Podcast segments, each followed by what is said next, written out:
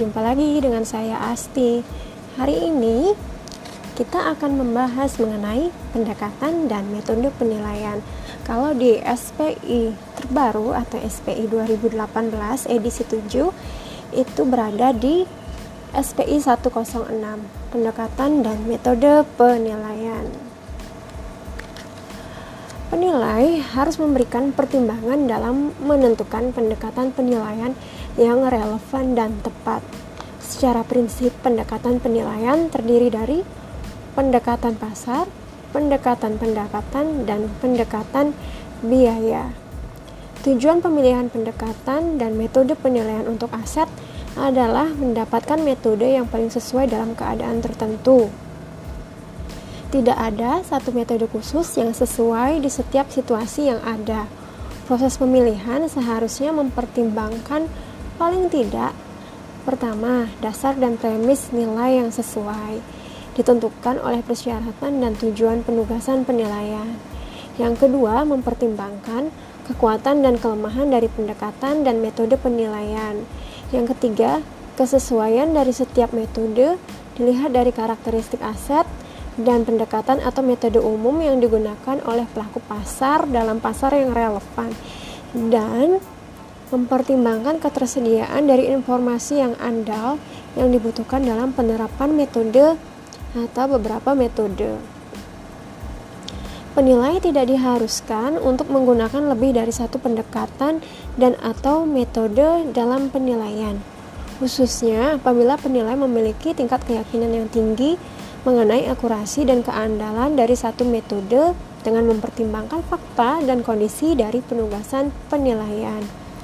Apabila lebih dari satu pendekatan atau metode digunakan, atau bahkan beberapa metode dalam satu pendekatan, kesimpulan nilai yang dihasilkan dari pendekatan itu seharusnya wajar dan proses analisis serta rekonsiliasi rekonsiliasi dari beberapa indikasi nilai menjadi satu kesimpulan tanpa melakukan rata-rata dan seharusnya dijelaskan oleh penilai di dalam laporan.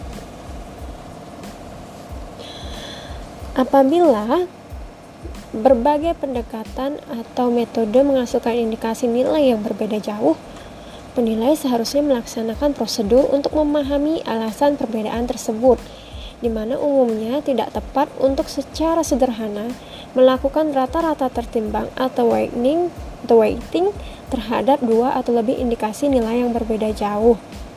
Dalam situasi tersebut, penilai seharusnya mempertimbangkan kembali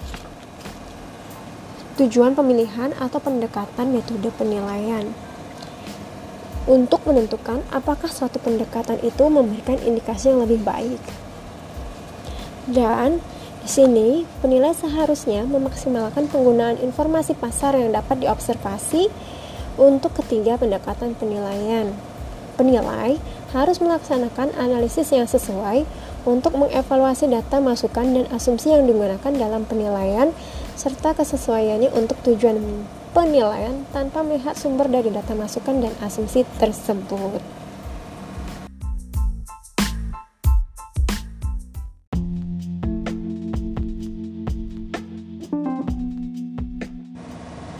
Hai, saya Asti dan sekarang kita akan membahas pendekatan yang pertama dalam penilaian, yaitu pendekatan pasar.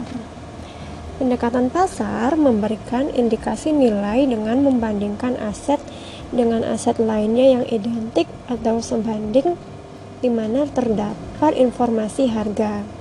Pendekatan pasar seharusnya diterapkan dan diberikan bobot signifikan dalam kondisi berikut, yaitu yang pertama, aset yang dinilai baru saja dijual dalam transaksi yang sesuai untuk pertimbangan yang terdapat dalam dasar nilai yang digunakan. Yang kedua, atau aset yang dinilai atau aset yang secara substansial sejenis diperdagangkan di publik secara aktif dan terdapat beberapa transaksi atau transaksi terkini yang dapat diobservasi untuk aset yang secara substansial sejenis. Jika dalam kondisi di atas tadi misalnya seperti yang tadi disebutkan itu tidak terpenuhi, maka terdapat beberapa kondisi tambahan yang menyebabkan pendekatan pasar dapat diterapkan. Dengan mempertimbangkan apakah pendekatan lainnya dapat diterapkan dan memberi, diberikan bobot untuk mendukung indikasi nilai dari pendekatan pasar. Misalnya, transaksi yang melibatkan aset yang dinilai atau aset yang secara substansial sejenis tidak terjadi dalam kurun waktu belakangan ini dengan mempertimbangkan tingkat volatilitas dan aktivitas di pasar. Atau yang kedua, aset yang dinilai atau aset yang substansial sejenis diperdagangkan di publik tapi tidak secara aktif. Ketiga, informasi di transaksi pasar tersedia, namun aset sejenis memiliki perbedaan signifikan terhadap aset yang dinilai dan berpotensi membutuhkan penyesuaian yang subjektif. Yang keempat, informasi dari transaksi terkini tidak dapat diandalkan.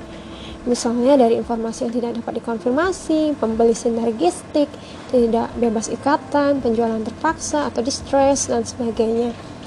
Yang kelima, faktor utama yang mempengaruhi nilai aset adalah harga yang dapat diperoleh di pasar daripada biaya reproduksi atau kemampuannya untuk menghasilkan pendapatan.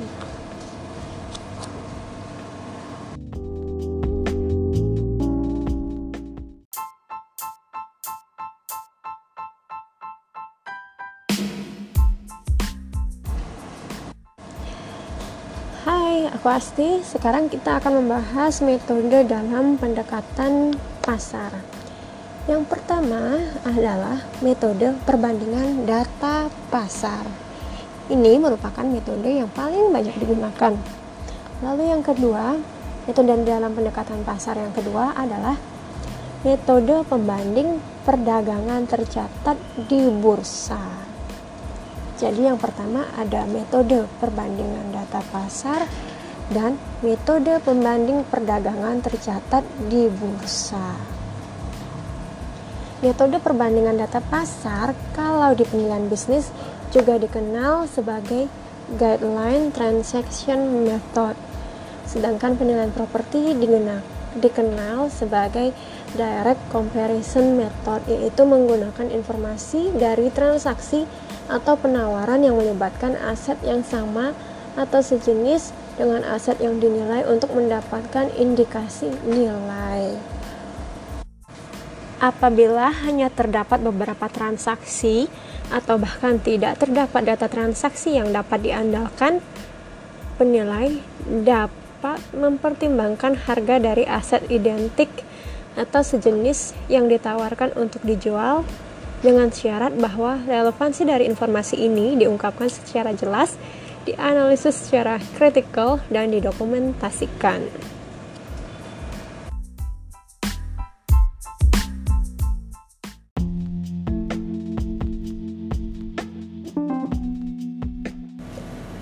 Ada beberapa langkah penting dalam metode perbandingan data pasar. Yang pertama, mengidentifikasi unit perbandingan yang digunakan oleh pelaku pasar pada pasar yang relevan. Dua, mengidentifikasi data transaksi atau penawaran pembanding yang relevan dan menghitung tolak ukur utama penilaian atau key valuation matrix pada data tersebut. Yang ketiga, melaksanakan analisis perbandingan yang konsisten terhadap persamaan dan perbedaan kualitatif dan kuantitatif antara aset pembanding dengan aset yang dinilai.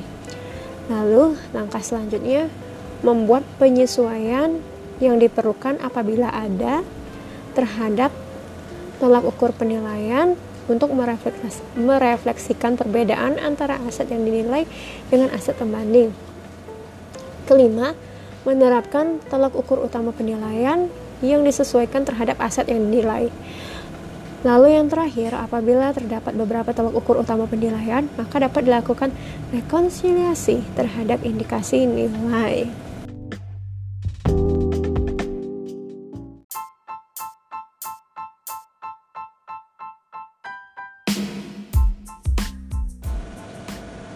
Untuk memilih data transaksi atau penawaran pembanding, perhatikan konteks berikut. Yang pertama, bukti dari beberapa data transaksi lebih disarankan daripada hanya satu transaksi atau kejadian. Apabila penilai tidak dapat memperoleh data transaksi, penilai dapat menggunakan beberapa data penawaran. Misalnya, penilai dapat mempertimbangkan harga dari aset identik atau sejenis yang ditawarkan untuk dijual dengan syarat bahwa relevansi dari informasi ini diungkapkan secara jelas, dianalisis secara kritikal, dan didokumentasikan. Lalu selanjutnya, ketika memilih data transaksi atau penawaran pembanding, perhatikan juga bukti dari data pembanding aset yang sangat mirip, idealnya identik memberikan indikasi nilai yang lebih baik daripada aset di mana harga transaksi membutuhkan penyesuaian yang signifikan. Lalu perhatikan juga data transaksi yang terjadi akan lebih baik jika lebih dekat dengan tanggal penilaian sehingga akan lebih mewakili pasar pada tanggal tersebut daripada transaksi yang terjadi lebih lama. Hal ini dikarenakan terutama karena apabila terjadi pada kondisi pasar yang cepat berubah. Selain itu juga perhatikan untuk sebagian besar dasar nilai, transaksi seharusnya bersifat bebas kepentingan di antara pihak-pihak yang terkait. Perhatikan juga informasi harus memadai mengenai transaksi seharusnya tersedia untuk memungkinkan penilai mengembangkan pemahaman yang wajar atas aset pembanding dan mengkaji tolak ukur penilaian atau bukti pembanding. Informasi atas perbandingan data pasar seharusnya berasal dari sumber yang dapat dipercaya dan diandalkan. Dan tentunya, transaksi aktual memberikan bukti yang lebih baik daripada penawaran atau transaksi yang belum terjadi.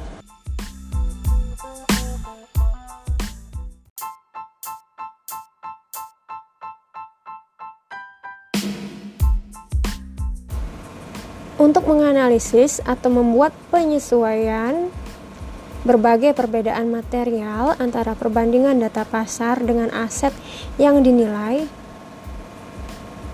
harus menganalisis hal-hal sebagai berikut. Atau menganalisis perbedaan-perbedaan umum yang memerlukan penyesuaian antara lain yang pertama karakteristik fisik.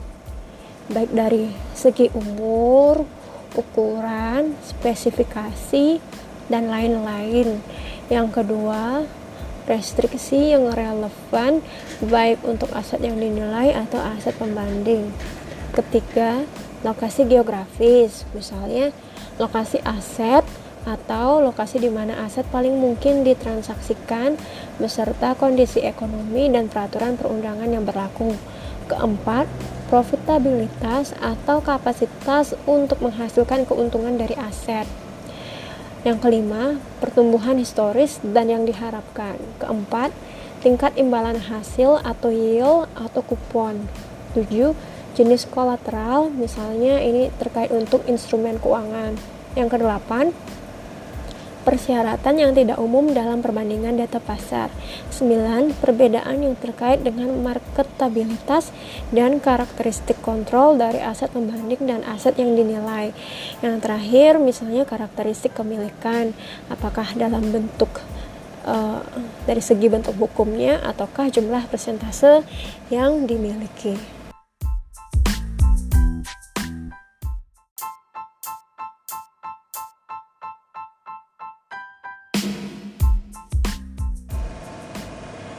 Hai, ini Asti. Sekarang kita membahas metode dari pendekatan pasar. Sebelumnya sudah dibahas mengenai metode perbandingan data pasar. Sekarang kita membahas metode pembanding perdagangan tercatat di bursa atau guideline publicly traded comparable method. Guideline publicly traded comparable method Maksud dari metode pembanding perdagangan tercatat di bursa adalah menggunakan informasi dari pembanding atau aset yang sama atau sejenis dengan aset yang dinilai yang diperdagangkan di bursa untuk mendapatkan indikasi nilai.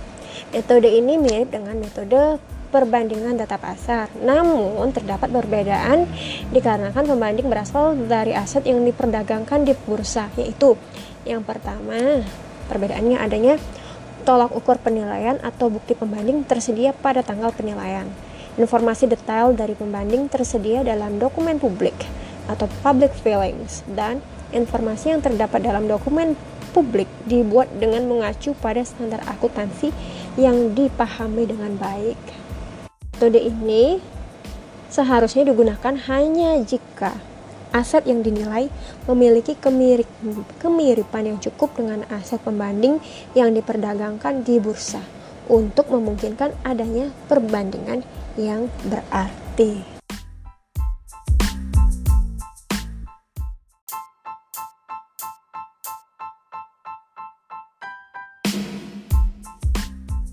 Langkah kunci dalam metode pembanding perdagangan terbuka adalah satu mengidentifikasikan tolak ukur penilaian yang digunakan.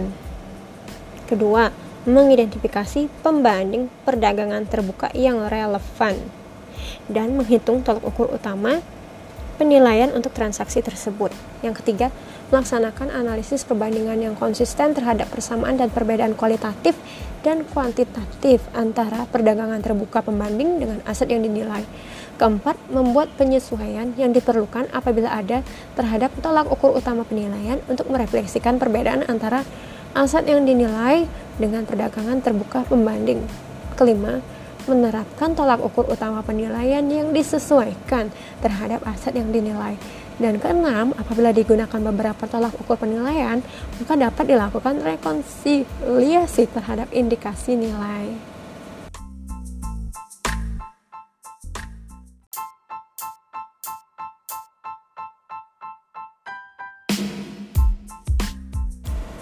Kapan metode pembanding perdagangan tercatat di bursa dapat dilakukan? Penilai harus memilih perdagangan terbuka pembanding dalam konteks misalnya penggunaan beberapa perdagangan terbuka pembanding yang sejenis lebih disarankan daripada hanya menggunakan satu perusahaan pembanding. Kedua, bukti transaksi dari perusahaan pembanding misalnya dengan segmen pasar yang sama area geografis misalnya pendapatan, tingkat pertumbuhan, margin profit, leverage, likuiditas dan diversifikasi memberikan indikasi nilai yang lebih baik daripada pembanding yang membutuhkan penyesuaian yang signifikan. Yang ketiga, perhatikan juga bahwa efek yang aktif diperdagangkan memberikan bukti yang lebih berarti daripada efek yang jarang diperdagangkan.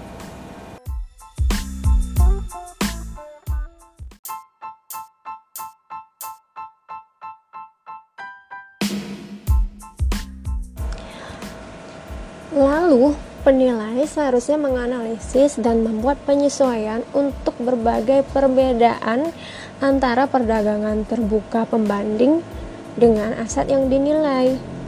Biasanya, yang umum ditemui yang membutuhkan penyesuaian yang pertama, karakteristik perusahaan. Lama beroperasi, ukuran perusahaannya seperti apa, klasifikasinya apa, dan lain-lain yang kedua, diskon dan premium yang relevan. Ketiga, res restriksi yang relevan pada aset yang dinilai atau pembanding. Restriksi itu adalah pembatasan. Lalu, yang keempat, yang perlu penyelesaian lagi lokasi geografis dari perusahaan dan kondisi ekonominya serta ketentuan perundang-undangan yang ada di tempat itu. Yang kelima, profitabilitas atau kemampuan untuk menghasilkan keuntungan dari aset. 6. Tingkat pertumbuhan historis dan yang diharapkan. Ketujuh, sesuaikan juga perbedaan yang terkait dengan karakteristik marketabilitas pengendalian dari aset pembanding dengan aset yang dinilai. Yang terakhir, penyesuaian bentuk kepemilikan.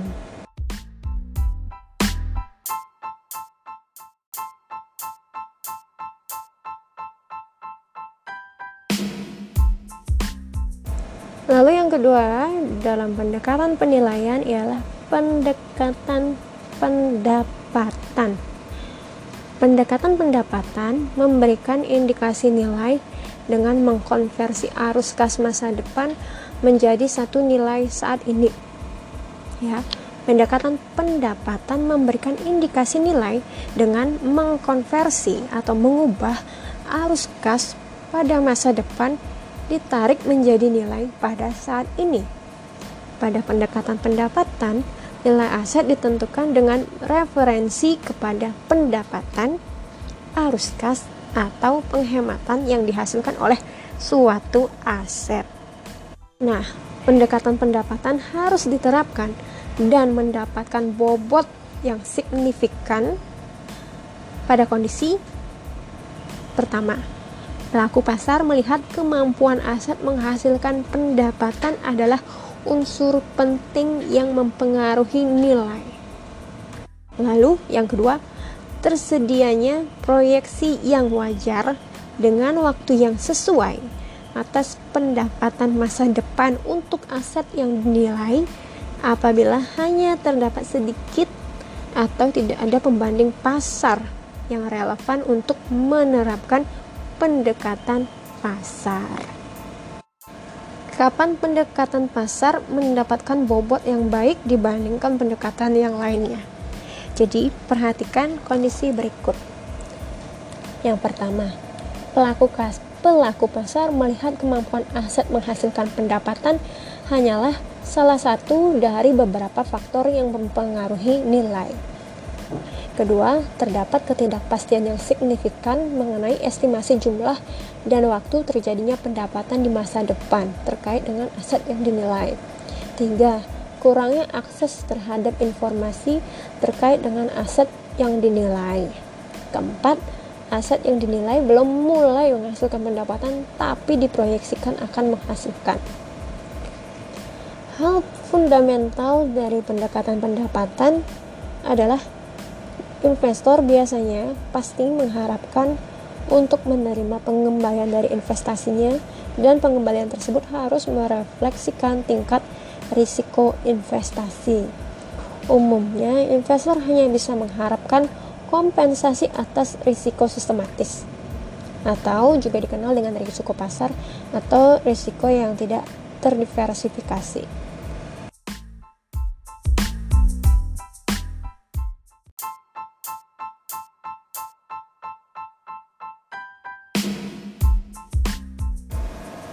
Walaupun terdapat beberapa cara untuk mengimplementasikan pendekatan pendapatan, tapi ada satu metode yang paling familiar dan sering digunakan, yaitu metode diskonto arus kas.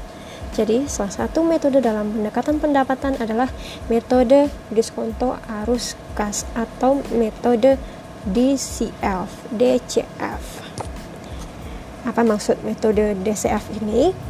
Metode DCF ini adalah arus kas diproyeksikan didiskontokan kembali ke tanggal penilaian menghasilkan nilai kini dari aset. Maksud dari maksud dari didiskontokan itu adalah dibawa kembali didiskon kembali ke tanggal penilaian atau saat kini dari nilai aset. Dalam beberapa kondisi untuk aset berumur panjang atau umurnya tidak dapat ditentukan, DCF biasanya akan mungkin mencangkup nilai terminal yang merepresentasikan nilai aset pada akhir periode proyeksi eksplisit. Dalam kondisi lainnya, nilai aset dapat dikalkulasikan hanya menggunakan metode dalam perhitungan nilai terminal tanpa periode proyeksi eksplisit. Nah, yang seperti ini disebut sebagai metode kapitalisasi pendapatan atau income capitalization method. Diulang, metode kapitalisasi pendapat ad, pendapatan adalah nilai aset dikalkulisasi dikalkulasikan atau dihitung hanya menggunakan perhitungan nilai terminal tanpa periode proyeksi eksplisit.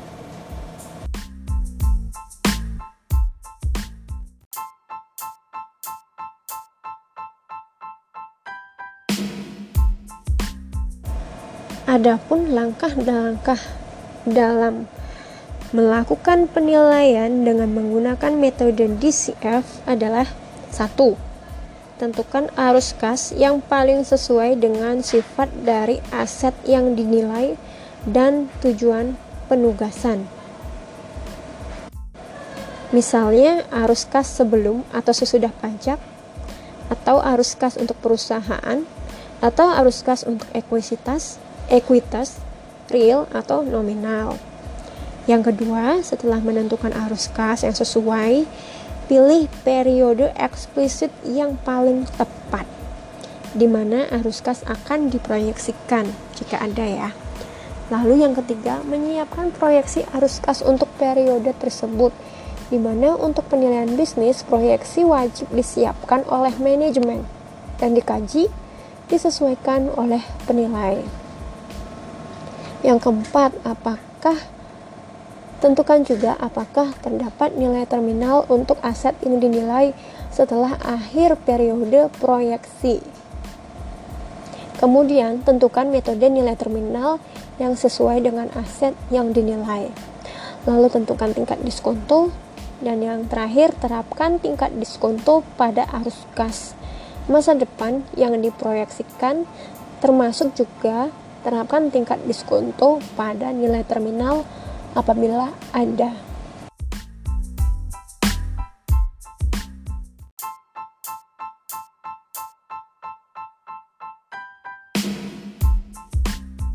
Nah, tadi dibahas mengenai nilai terminal dalam metode DCF. Apa itu nilai terminal? Begini, apabila aset diharapkan untuk berlanjut terus berjalan menghasilkan pendapatan setelah periode proyeksi eksplisit penilai harus mengestimasikan nilai aset pada akhir periode proyeksi. Nilai terminal kemudian didiskontokan kembali ke tanggal penilaian. Biasanya menggunakan tingkat diskonto yang sama dengan yang diterapkan pada proyeksi arus kas untuk menghitung nilai terminal, kita harus mempertimbangkan apakah aset yang dinilai bersifat menurun atau memiliki umur terbatas atau umurnya malah tidak terhingga. Karena hal ini akan mempengaruhi metode yang akan digunakan dalam menghitung nilai terminal. Yang kedua, dalam mempertimbangkan nilai terminal juga, perhatikan juga apakah aset memiliki potensi pertumbuhan masa depan setelah proyeksi eksplisit dilakukan. Yang ketiga, apakah terdapat jumlah uang tertentu yang akan diterima atau wajib dibayarkan pada akhir periode proyeksi eksplisit yang telah ditentukan sebelumnya. Yang keempat, apa seperti apa ekspektasi tingkat risiko dari aset pada waktu nilai terminal dihitungkan 5. Untuk aset yang memiliki siklus, nilai terminal seharusnya mempertimbangkan sifat siklus dari aset dan seharusnya tidak dilakukan dengan cara mengasumsikan arus kas pada tingkat puncak atau terbawah untuk terus berlanjut selamanya. Dan perhatikan pula atribut pajak yang melekat pada aset pada akhir proyeksi eksplisit apabila ada, hanya apabila ada. Dan apakah atribut pajak diasumsikan berlangsung selamanya.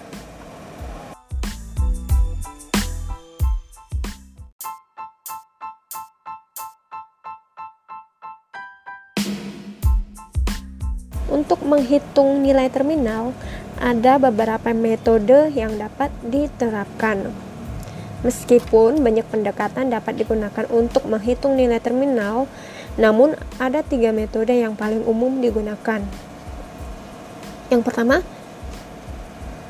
model Gordon Growth atau metode pertumbuhan konstan.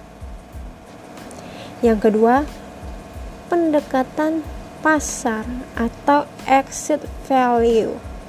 Yang ketiga, nilai sisa atau biaya pelepasan. Diulang, ada tiga metode untuk menghitung nilai terminal. Pertama, model garden growth atau metode pertumbuhan konstan. Di sini hanya sesuai untuk aset dengan umur yang tidak dapat ditentukan atau indefinite life. Yang kedua, metode pendekatan pasar atau exit value sesuai untuk aset berumur terbatas dan tidak dapat ditentukan. Lalu yang ketiga, nilai sisa atau biaya pelepasan hanya sesuai untuk aset dengan umur terbatas. Ya, jadi nilai terminal itu memiliki tiga metode. Yang pertama, apakah dia aset tersebut umurnya tidak dapat ditentukan, apakah aset tersebut berumur terbatas tapi tidak dapat ditentukan, atau yang ketiga, aset itu memiliki umur yang terbatas. Untuk aset-aset dengan umur yang tidak dapat ditentukan, itu menggunakan metode model garden growth atau model pertumbuhan konstan. Model pertumbuhan konstan mengasumsikan aset akan tumbuh tapi menurun pada tingkat yang konstan selamanya. Nah, sedangkan untuk aset yang berumur terbatas dan tidak dapat ditentukan terbatasnya itu kapan kita nggak tahu. Kita menggunakan pendekatan pasar atau exit value untuk menghitung nilai terminal.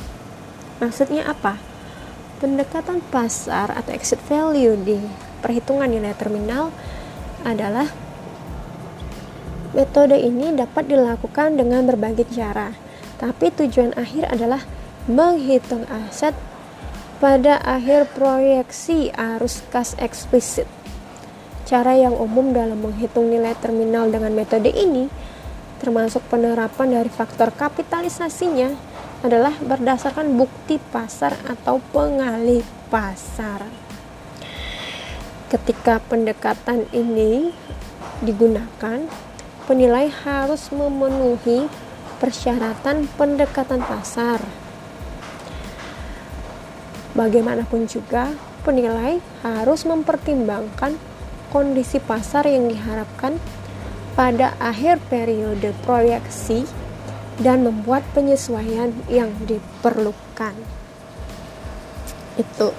Jadi sudah kita ketahui pertama ada metode untuk aset yang tidak diketahui umurnya, yang kedua ada yang terbatas tapi tidak tahu kapan selesainya umurnya Lalu yang ketiga adalah sekarang kita bahas metode nilai sisa atau biaya pelepasan yang sesuai atau metode ini hanya digunakan untuk aset yang dengan umur terbatas.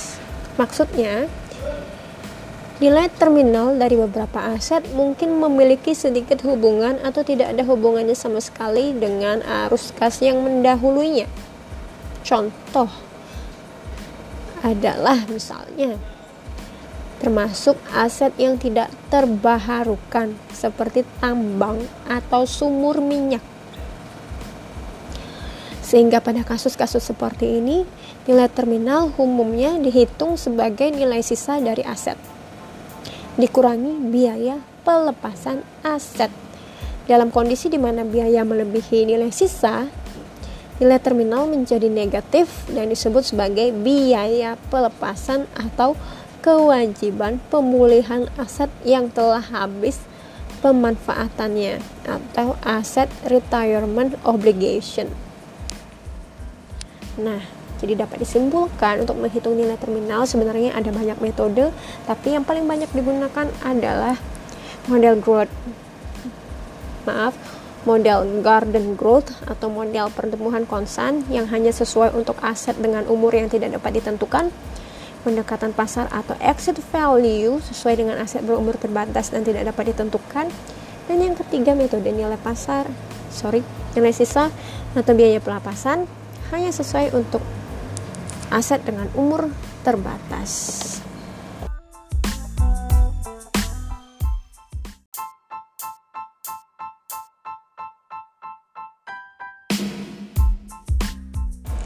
Salah satu unsur penting dalam metode DCF pada pendekatan pendekatan selain menentukan arus kas, nilai terminal, juga memperhatikan tingkat diskonto. Jadi, suatu tingkat di mana proyeksi arus kas didiskontokan yang merefleksikan tidak hanya nilai waktu dari uang, namun juga risiko terkait dengan jenis arus kas dan operasional masa depan dari aset. Penilai harus menggunakan metode yang sesuai dalam menentukan tingkat diskonto, walaupun terdapat banyak metode untuk menentukan tingkat diskonto yang wajar. Berikut ini adalah metode yang umum digunakan. Yang satu. Ada tujuh sorry ada delapan metode yang wajar digunakan untuk menghitung tingkat diskonto.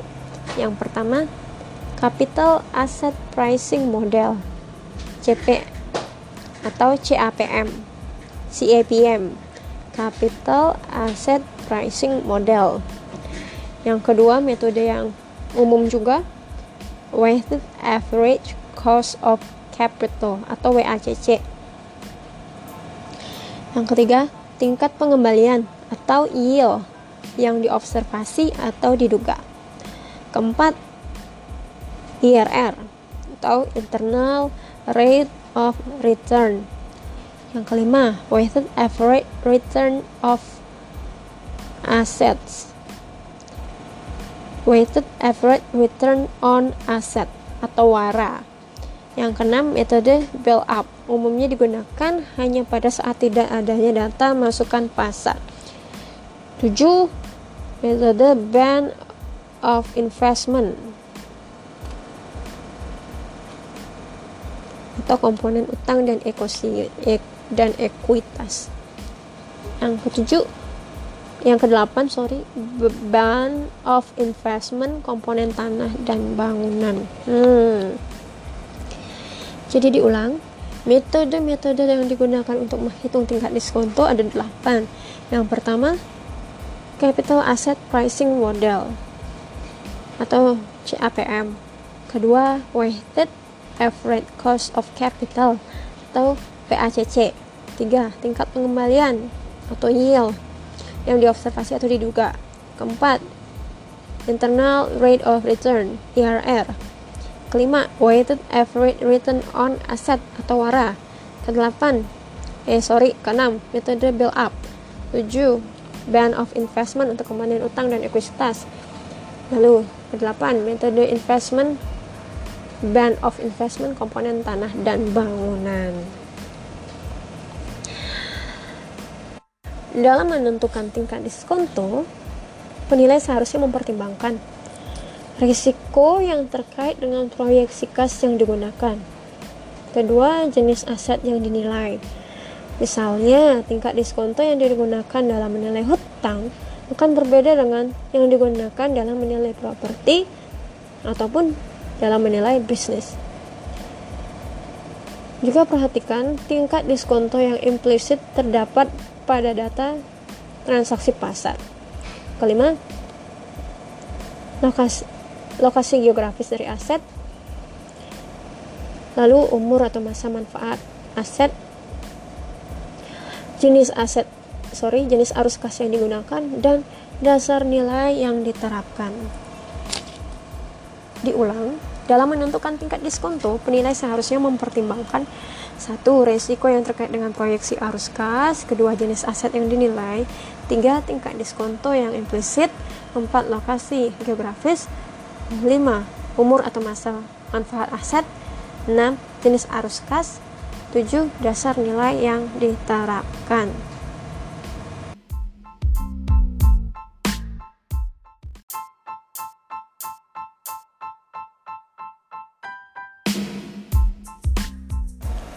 Sekarang kita membahas pendekatan terakhir dalam pendekatan penilaian, yaitu pendekatan biaya. Pendekatan biaya memberikan indikasi nilai menggunakan prinsip ekonomi bahwa pembeli akan membayar aset tidak lebih dari biaya untuk mendapatkan aset dengan utilitas yang sama, baik melalui pembelian atau dengan pembuatan konstruksi dengan mengecualikan faktor-faktor seperti waktu yang tidak semestinya, ketidaknyamanan, risiko, atau faktor-faktor lainnya. Pendekatan ini memberikan indikasi nilai dengan menghitung biaya pengganti atau reproduksi saat ini dari aset dan membuat pengurangan untuk kemunduran fisik dan seluruh bentuk keusangan lainnya. Dalam penilaian perusahaan, pendekatan biaya lazimnya dikenal dengan pendekatan berbasis aset atau asset-based approach. Pendekatan biaya seharusnya diterapkan dan diberikan bobot yang signifikan dalam kondisi ya, terapkan pendekatan biaya dan berikan bobot yang signifikan untuk pendekatan ini apabila pelaku pasar akan mampu membuat kembali aset dengan utilitas yang secara substansial sama dengan aset yang dinilai tanpa adanya restriksi dari aspek hukum atau regulasi dan aset dapat dibuat kembali dalam waktu yang cukup cepat secara wajar di mana pelaku pasar tidak akan membayar premium yang signifikan untuk dapat segera menggunakan aset itu. Lalu yang kedua, pendekatan biaya dapat diterapkan dan diberikan bobot yang signifikan apabila aset tidak menghasilkan pendapatan secara langsung.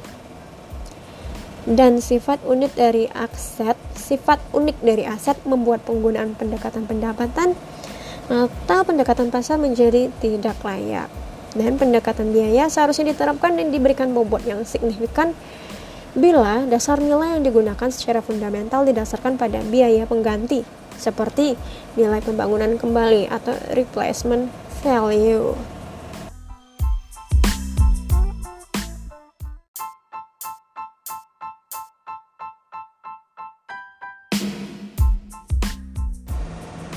Di dunia penilaian, Pendekatan biaya memiliki tiga metode. Yang pertama, metode biaya pengganti atau dikenal juga dengan metode biaya pengganti terdepresiasi atau bahasa Inggrisnya depreciated replacement cost atau DRC. Metode ini mengidentifikasikan sorry, metode ini mengindikasikan nilai dengan menghitung biaya untuk membuat aset yang serupa dengan utilitas yang setara. Ketua metode biaya reproduksi, metode yang yang mengidentifikasi mengindikasikan nilai dengan menghitung biaya untuk membuat replika aset. Yang ketiga, metode penjumlahan. Metode ini digunakan untuk menghitung nilai aset dengan menjumlahkan nilai dari setiap bagian komponennya. Misalnya yang sering dipakai ini untuk penilaian mesin. Jadi diulang, metode pendekatan biaya ada tiga, yaitu pertama metode biaya pengganti atau biaya pengganti terdepresiasi. Kedua metode biaya reproduksi. Metode penjumlahan.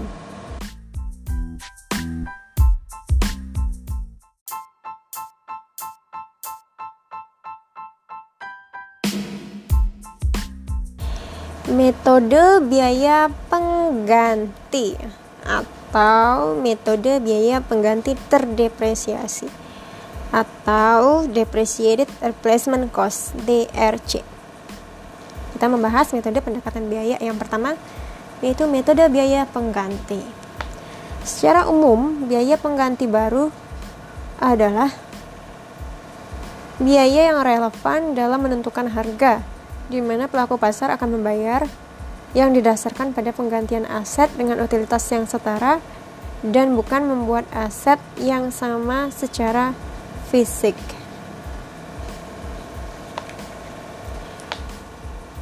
Biaya pengganti baru kemudian disesuaikan untuk kerusakan fisik dan seluruh bentuk keusangan yang relevan.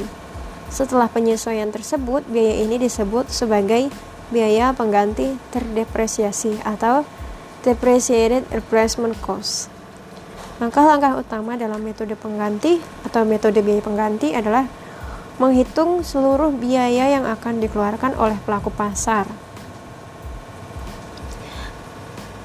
Kedua, menentukan apakah terdapat depresiasi yang terkait dengan fisik, fungsi, dan keusangan eksternal yang berhubungan dengan aset yang dinilai. Ketiga, mengurangkan total depresiasi dan total biaya pengganti baru untuk mendapatkan nilai dari aset. Biaya pengganti pada umumnya adalah untuk aset modern yang setara yang memberikan fungsi yang mirip dan utilitas yang setara dengan aset yang dinilai namun memiliki desain saat ini dan dikonstruksikan atau dibuat menggunakan material dan teknologi saat ini yang efektif dari segi biaya. Lalu yang kedua, metode biaya reproduksi. Kalau tadi biaya metode biaya pengganti, sekarang metode biaya reproduksi. Metode ini digunakan untuk kondisi sebagai berikut. Biaya untuk aset ekuivalen modern lebih tinggi daripada biaya untuk membuat replika dari aset yang dinilai atau utilitas yang ditawarkan pada aset yang dinilai hanya dapat diberikan oleh replika dan bukan oleh aset ekuivalen modern. Langkah-langkah utama dalam metode biaya reproduksi yang pertama, menghitung seluruh biaya yang dikeluarkan oleh pelaku pasar tipikal yang akan membuat aset yang serupa dari aset yang dinilai, lalu menentukan apakah terdapat depresiasi terkait fisik, fungsi, ataupun depresiasi eksternal yang berhubungan dengan aset. Lalu yang ketiga mengurangkan total depresiasi dari total biaya reproduksi baru untuk mendapatkan nilai dari aset. Jadi bedanya kalau biaya pengganti dia akan membuat aset yang sama secara fisik atau istilahnya setara. Kalau biaya reproduksi itu adalah menghitung untuk menghitung biaya untuk menghasilkan aset yang serupa. Serupa itu artinya sama sama persis kalau kalau pengganti ya kira-kira fungsi dan ininya sama lah kayak gitu lalu yang ketiga metode penjumlahan atau summation method atau sum of the parts method metode penjumlahan biasa disebut biasa disebut sebagai metode aset yang mendasari atau underlying aset umumnya untuk menilai suatu perusahaan investasi, perusahaan induk, jenis aset atau entitas lain di mana kepemilikan aset merupakan faktor utama dari nilai. Langkah-langkah dalam metode penjumlahan menilai setiap komponen aset yang merupakan bagian dari aset. Menggunakan pendekatan dan metode penilaian yang sesuai lalu menjumlahkan setiap komponen tersebut untuk mendapatkan nilai dari aset itu.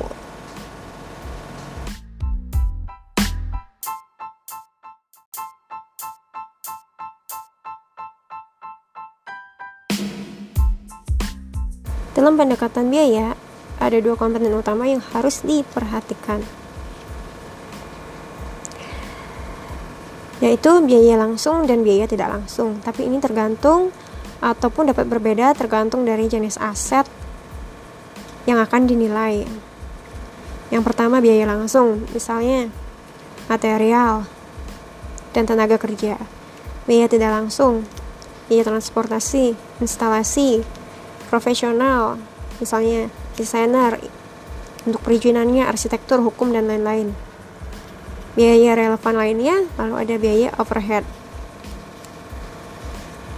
Lalu selain itu juga ada pajak, biaya keuangan, misalnya biaya bunga pembiayaan utang, dan margin laba atau laba kewirausahaan untuk pengembang aset, misalnya tingkat pengembalian investasi.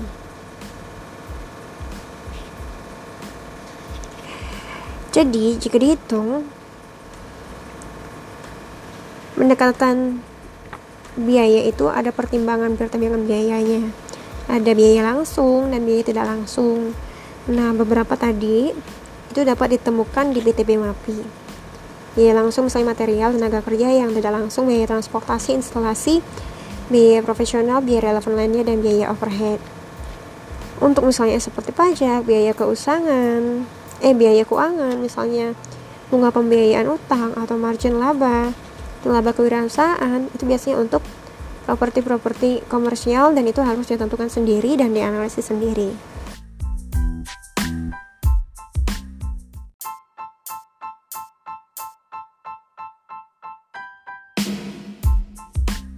Selain itu, dalam konteks pendekatan biaya, perlu diketahui juga mengenai konteks depresiasi atau keusangan. Depresiasi itu merujuk sebagai penyesuaian yang diperhitungkan untuk mengestimasi biaya pembuatan aset dengan utilitas yang setara untuk merefleksikan dampak terhadap nilai dari berbagai keusangan yang mempengaruhi nilai aset yang dinilai. Pengertian ini berbeda dengan penggunaan kata depresiasi di dalam laporan keuangan atau hukum pajak, di mana umumnya pada kedua itu hanya merujuk pada metode yang secara sistematis mengeluarkan belanja modal dari waktu ke waktu.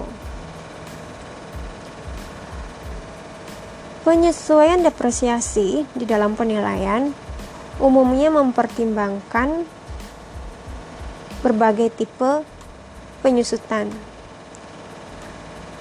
Misalnya, ya pertama, ada penyusutan fisik, kedua, keusangan fungsional, ketiga, keusangan eksternal atau ekonomis. Jadi bahasa simpelnya, depresiasi itu ada tiga. Pertama fisik, dua fungsional, ketiga eksternal atau ekonomis. Maksudnya apa? Penyusutan fisik itu berkaitan dengan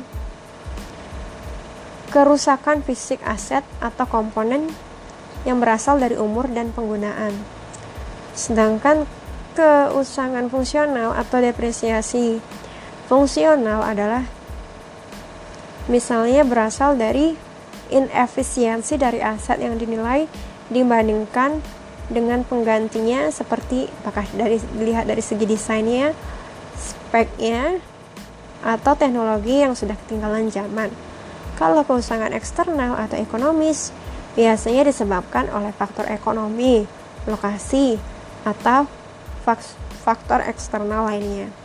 Keusangan ini dapat berupa keusangan secara temporary atau permanen. Dia bisa hanya untuk beberapa waktu saja, beberapa waktu tertentu, ataukah secara permanen. Depresiasi juga seharusnya mempertimbangkan umur fisik dan ekonomis dari aset. Umur fisik adalah berapa lama aset tersebut dapat digunakan sebelum menjadi aus atau mengalami kerusakan yang tidak dapat diperbaiki. Dengan asumsi adanya pemeliharaan rutin namun mengabaikan potensi untuk dilakukan perbaikan. Lalu di, lalu umur ekonomis adalah berapa lama diantisipasi bahwa aset dapat menghasilkan tingkat pengembalian finansial atau menyediakan manfaat non finansial dalam penggunaannya. Untuk penyusutan fisik, tadi kan kita sebutkan bahwa penyusutan dalam penilaian itu ada tiga. Ada penyusutan fisik, fung fungsional, lalu eksternal. Nah, penyusutan fisik dapat diukur dengan dua cara Lihat dulu apakah penyusutan fisik itu dapat diperbaiki atau penyusutan fisik yang tidak dapat memperbaiki, yang tidak dapat diperbaiki, yang mempertimbangkan umur aset, ekspektasi total umur sisa umur, di mana penyesuaian dari penyusutan fisik adalah sama dengan proporsi dari ekspektasi total umur aset yang telah digunakan. Lalu terdapat dua bentuk keusangan fungsional, biaya modal yang berlebih, misalnya juga biaya operasional yang berlebih. Kalau keusangan ekonomis itu timbul karena faktor eksternal. Misalnya, berkurangnya peminat untuk produk atau jasa yang dihasilkan aset. Kelebihan pasokan di pasar untuk aset itu. Oleh ketiga, gangguan atau kerugian dari pasokan tenaga kerja atau bah Keempat, aset digunakan untuk bisnis yang tidak sanggup membayar sewa sesuai dengan harga pasar, namun masih dapat menghasilkan tingkat pengembalian sesuai pasar. Seperti itu. Terima kasih.